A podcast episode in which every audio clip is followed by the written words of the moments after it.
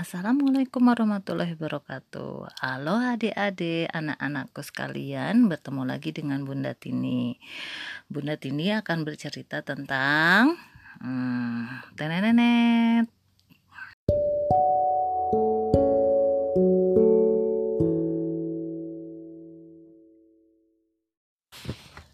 Hmm, ketemu lagi dengan Bunda Tini. Kemarin Bunda bertanya pada adik-adik ya pada anak-anakku ah ibadah apa yang pertama Allah ajarkan kepada Rasulullah? Kalian pengen tahu? Mari kita temukan jawabannya di buku Muhammad Teladanku jilid ketiga halaman 24 Bunda Tini bacakan ya. Ya itulah Bismillahirrahmanirrahim. Salat ya. Salat adalah satu di antara ibadah pertama yang diajarkan Allah kepada Rasulullah Shallallahu alaihi wasallam. Suatu saat ketika Rasulullah dan Bunda Hadijah sedang melaksanakan sholat, datanglah Ali bin Abu Thalib. Ali yang saat itu masih anak-anak tertegun melihat Rasulullah dan Bunda Hadijah ruku, sujud, serta membaca ayat-ayat Al-Quran. Kepada siapa kalian sujud? Tanya Ali ketika Rasulullah dan Bunda Hadijah selesai sholat. Kami sujud kepada Allah, jawab Rasulullah. Allah telah mengutusku dan memerintahkan aku mengajak manusia menyembah Allah. Kemudian Rasulullah Shallallahu Alaihi Wasallam mengajak sepupunya itu untuk beribadah kepada Allah semata serta meninggalkan berhala-berhala semacam Lata dan Uzza.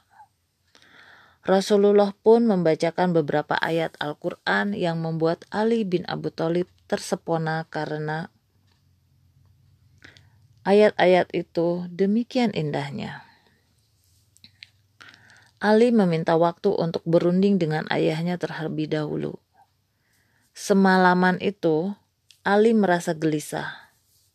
Esoknya, dia memberitahukan kepada Rasulullah dan Bunda Hadijah bahwa dia akan mengikuti mereka berdua.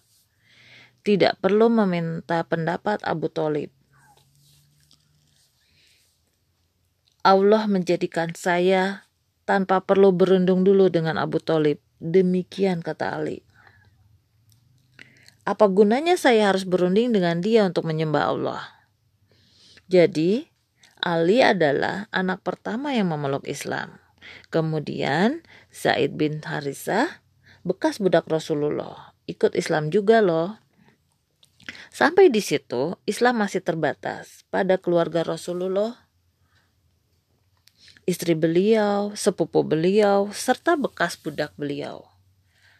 Apa yang harus beliau lakukan untuk menyebarkan Islam lebih luas lagi?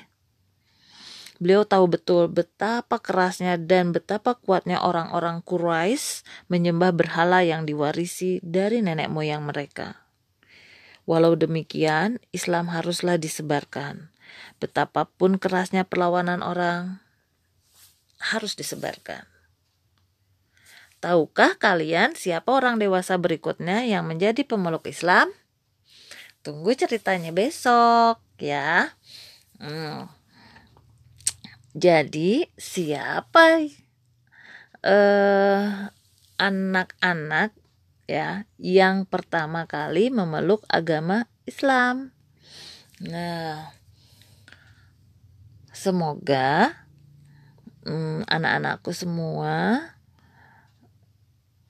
bisa mengambil pelajaran dari sini ya bahwa kalau dulu untuk mengenal Islam, untuk ngaji, untuk belajar sholat itu susah karena e, masih sembunyi-sembunyi dan hanya orang-orang tertentu yang tahu. Sekarang anak-anakku bisa ngaji di mana saja, e, guru-gurunya juga banyak, kemudian di mana-mana juga sudah ada sumber belajarnya dari YouTube, dari buku dan lain sebagainya. Semoga anak-anak tetap semangat mencari ilmunya ya. Dan jangan lupa sholat lima waktu. Sampai bertemu lagi dengan cerita berikutnya.